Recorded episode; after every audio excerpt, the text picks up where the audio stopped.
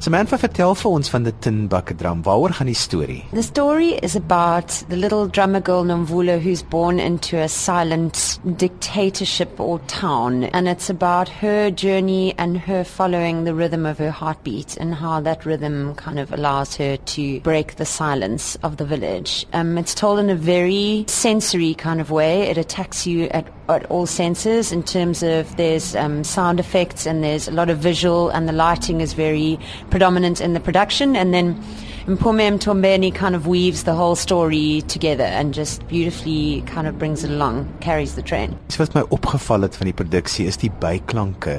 Daar's iemand wat dit alles doen. Dit is net absolute magic. It's amazing because I've watched the show maybe like oh, I lose count, but I think about 29 times. The beginning part of it is so still. It's just so still that when all these sounds that you hear on a daily basis kind of become introduced, you realize how much sound is constantly around you, you know? So, um, and that just kind of adds to if you had to remove all of those things from you, you know. Wake Mahlobo, he kind of feeds that whole soundscape that carries on with the.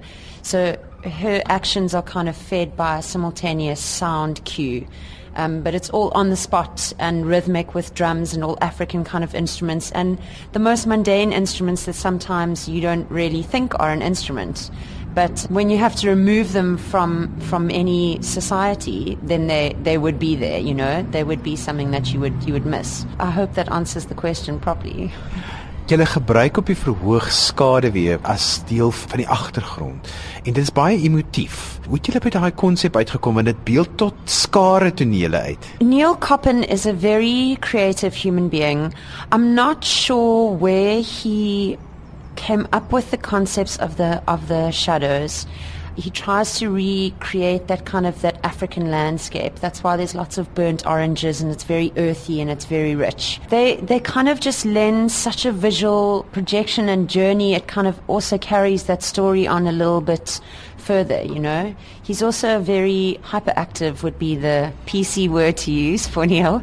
Um, so I think for him as well, he constantly wants the audience to be stimulated on all different kinds of levels. That's why it works so nicely that you've got visual all the time along with sound and text and, and it all kind of like, as I say, drives the train of the Tin Bucket. Die aktrise wat die hoofrol speel is ook 'n een vrou vertoning. Sy het 'n ongelooflike vermoë om net die gehoor se emosies met hulle saam te neem saam met hierdie skaduwees en saam met die agtergrond. Vertel vir ons van hierdie aktrise. She's a phenomenal human being. Touring even around New York with her, she has the most wonderful sense of humor. She's a mother. She has two boys. I think she's raised them on her own. And Mpume has worked predominantly in theatre in KwaZulu-Natal.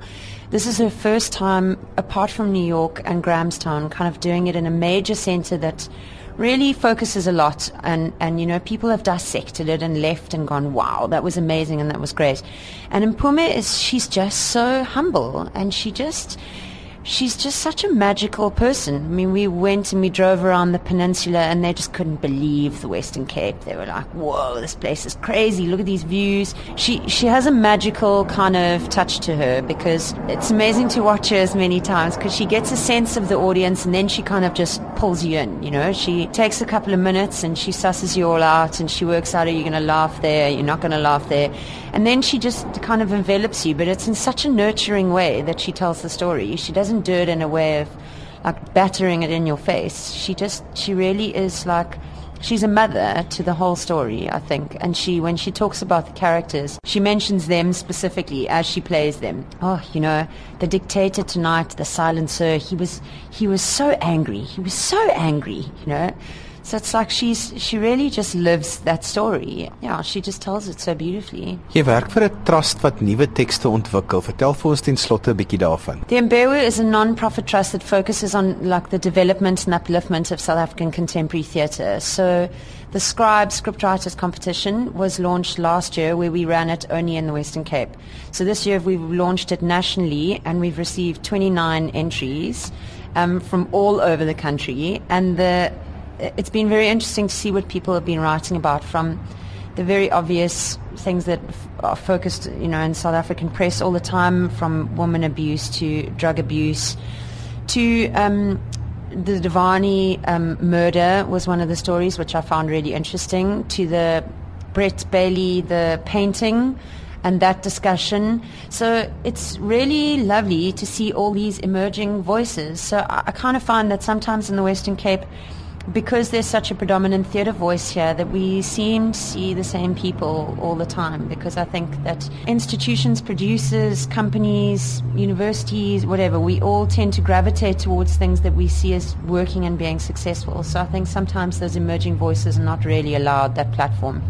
So the aim of that project is to find the winning script and then we produce it. We give it a run at the Theatre Arts Admin Collective. The aim is to grow that project. We have an idea for a scribbler's a scribbler's dream, which is is um, something we came up with. Which hopefully will launch next year. Tin Bucket Drum is on until the 8th of September, every Wednesday to Saturday at the Bay Theatre. It starts at 8 o'clock promptly.